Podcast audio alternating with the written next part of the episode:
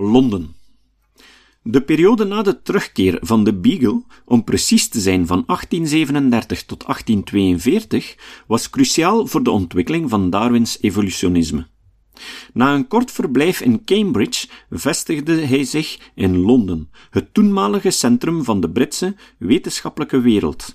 In 1842 verhuisde hij naar het rustige en landelijk gelegen Down, nu Down, in Kent, ongeveer 20 kilometer van Londen, waar hij tot zijn dood in 1882 in Down House zou wonen.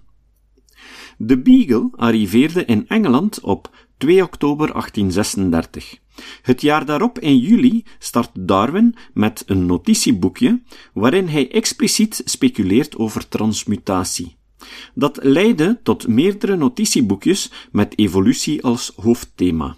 Hij ontdekte het principe van natuurlijke selectie omstreeks september 1838. In 1842 schreef hij een artikel waarin de hoofdlijnen van zijn evolutietheorie, zoals later uiteengezet in Over het ontstaan van soorten, al aanwezig zijn. Zijn reeks notitieboekjes nam echter al een aanvang tijdens het einde van de reis met de Beagle, met als eerste het zogenaamde Red Notebook, 1836-1837. Over de precieze ontwikkeling van zijn denken en over de vraag wat de oorsprong is van zijn ideeën over evolutie en natuurlijke selectie, is sinds de beschikbaarheid van de notitieboekjes en zijn correspondentie uit die periode een groot aantal artikelen gepubliceerd. Ik beperk mij hier tot de voornaamste conclusies van dit onderzoek. De Londense jaren kenmerkten zich door uiteenlopende en zeer intense activiteiten. Naast het schrijven van Journal of Researches wijde Darwin zich aan de verwerking van de grote hoeveelheid materiaal die hij tijdens de reis naar Henslow had opgestuurd. Hij verdeelde alles onder een aantal specialisten. Dat resulteerde in de publicatie van Zoology of the Beagle, waaraan behalve hij zelf vijf andere auteurs meewerkten. Het deel Birds werd geschreven door ornitholoog John Gold, Fish door Leonard Jennings, Fossil Mammalia door zooloog en anatoom Richard Owen, Mammalia door George Waterhouse en Reptiles door Thomas Bell. Alleen de bespreking van de gewervelde dieren verscheen in boekvorm, delen 4, 5 en 6 van het verzameld werk. Over onder meer de door Darwin verzamelde insecten en weekdieren verschenen door specialisten geschreven artikelen in tijdschriften. De voorbereiding van de publicatie van Zoology of the Beagle bracht hem in contact met vele Britse naturalisten, wat hem blijvend zou helpen bij het verkrijgen van informatie voor het uitwerken van onder meer zijn evolutietheorie. Ondertussen bewerkte hij ook het materiaal dat later gepubliceerd zou worden in Geology of the Beagle. Het eerste deel ervan, The Structure and Distribution of Coral Reefs, bevatte de reeds vermelde theorie over het ontstaan van koraalriffen. Het symboliseert zijn intrede in de meest respectabele wetenschappelijke kringen van Groot-Brittannië, in het bijzonder in de Geological Society of London, toen het meest actieve wetenschappelijk genootschap van Engeland.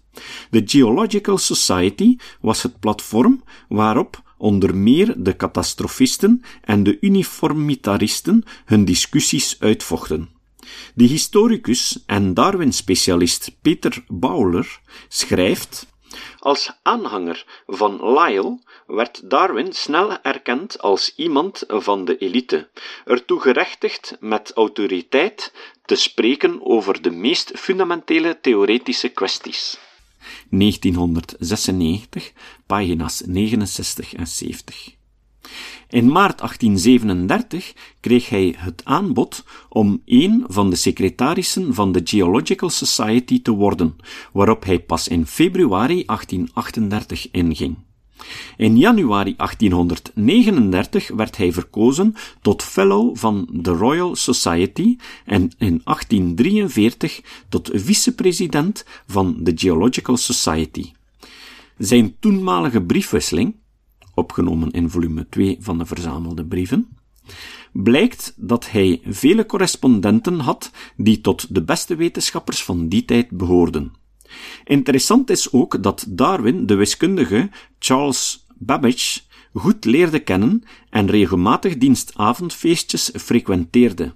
Babbage, 1792 tot 1871, door Darwin de rekenmachine genoemd en volgens sommige hedendaagse auteurs de uitvinder van de computer, is de auteur van The Ninth Bridgewater Treatise, 1838, een half ernstige, half parodierende reactie op de acht officiële treatises, verhandelingen, die in de natuurtheologische traditie het bestaan van een goddelijk ontwerp en van de wijsheid en goedheid van God en bij gevolg van de natuur wilden aantonen. Het schrijven van de Bridgewater Treatises werd gefinancierd door de nalatenschap van de achtste graaf van Bridgewater, die in zijn testament te kennen had gegeven dat hij verandelingen wilde waarin wetenschap werd gebruikt ter verdediging van de natuurtheologie. De wetenschapsfilosoof William Wheel schreef een Bridgewater-verhandeling waarin hij aantoonde dat Gods plan blijkt uit de astronomie. Veel gelezen was ook Charles Bell's verhandeling, waaruit moest blijken dat de formidabele adaptieve vermogens van de menselijke hand door God waren ontworpen. Babbage daarentegen stelde God voor als een programmeur. Hij gebruikte zijn eigen rekenmachine ter illustratie van die stelling, zoals de machine door de ingebouwde regels cijfers verwerkt en produceert, zo is ook de werking van de natuur te begrijpen. God programmeerde er de regels in. Sindsdien produceert de natuur voortdurend dieren en planten zonder nood aan Gods tussenkomst. Babbage drong met andere woorden enerzijds Gods rol terug, maar anderzijds meende hij hem met zijn opvatting meer recht te doen dan de natuurtheologen deden in hun Bridgewater treatises. Zijn God voorzag alles van in het begin. De programmaregels zorgden ervoor dat alles gebeurde zoals hij het wilde. Babbage drukt het in The Ninth Bridgewater Treatise als volgt uit. Wanneer een veelheid aan schijnbaar losstaande feiten herleid wordt tot een algemeen principe, voelen we spontaan bewondering voor hem die ons het verband heeft verklaard.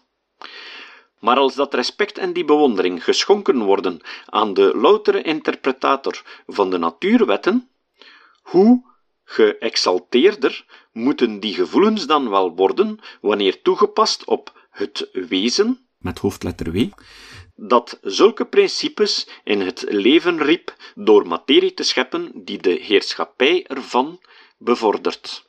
Wiens geest intiem op de hoogte van de geringste gevolgen van het heden als ook van alle andere wetten het bestaan beschikte van het enige wezen dat de voltooiing van zijn lot binnen zijn vermogen zou moeten begrijpen. Materie die geen toekomstige interventies vereist om te kunnen omgaan met gebeurtenissen onvoorzien door haar schepper, in wiens alwetende geest we geen onzekerheid omtrent het doel, geen verandering van intentie kunnen denken. 1838, 1989, pagina Romeinse cijfer 13.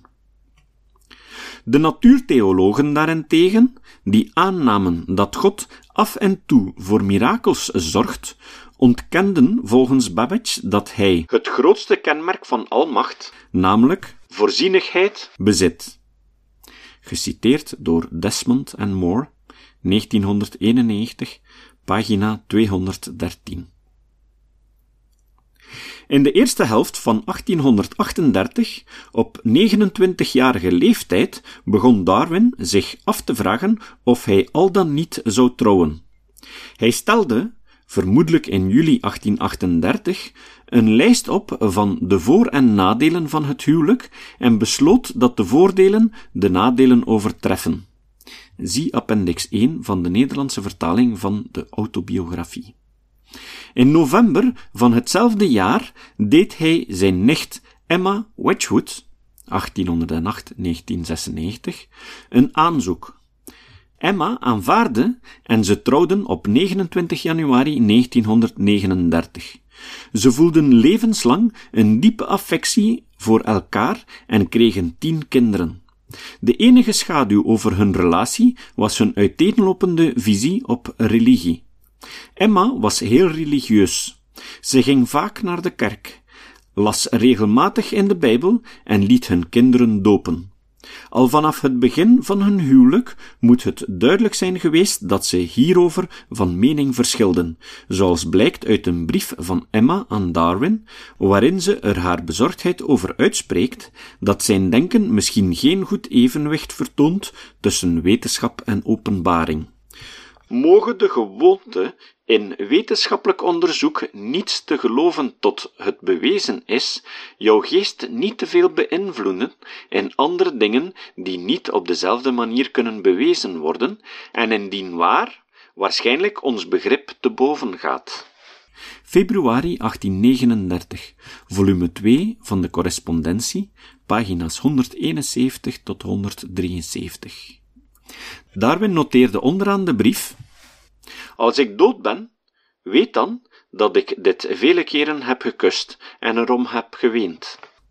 Bowler schrijft: Hij, Darwin, bleef zich levenslang bewust van de ontzetting die zijn ideeën veroorzaakten bij de vrouw die hij liefhad, en het feit dat hun huwelijk zo'n troost voor hem bleef, suggereert hoe sterk hun wederzijdse aantrekking moet zijn geweest om deze intellectuele barrière te overwinnen.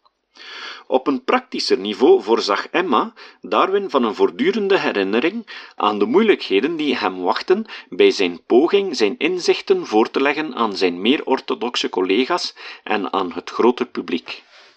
OC, pagina 73.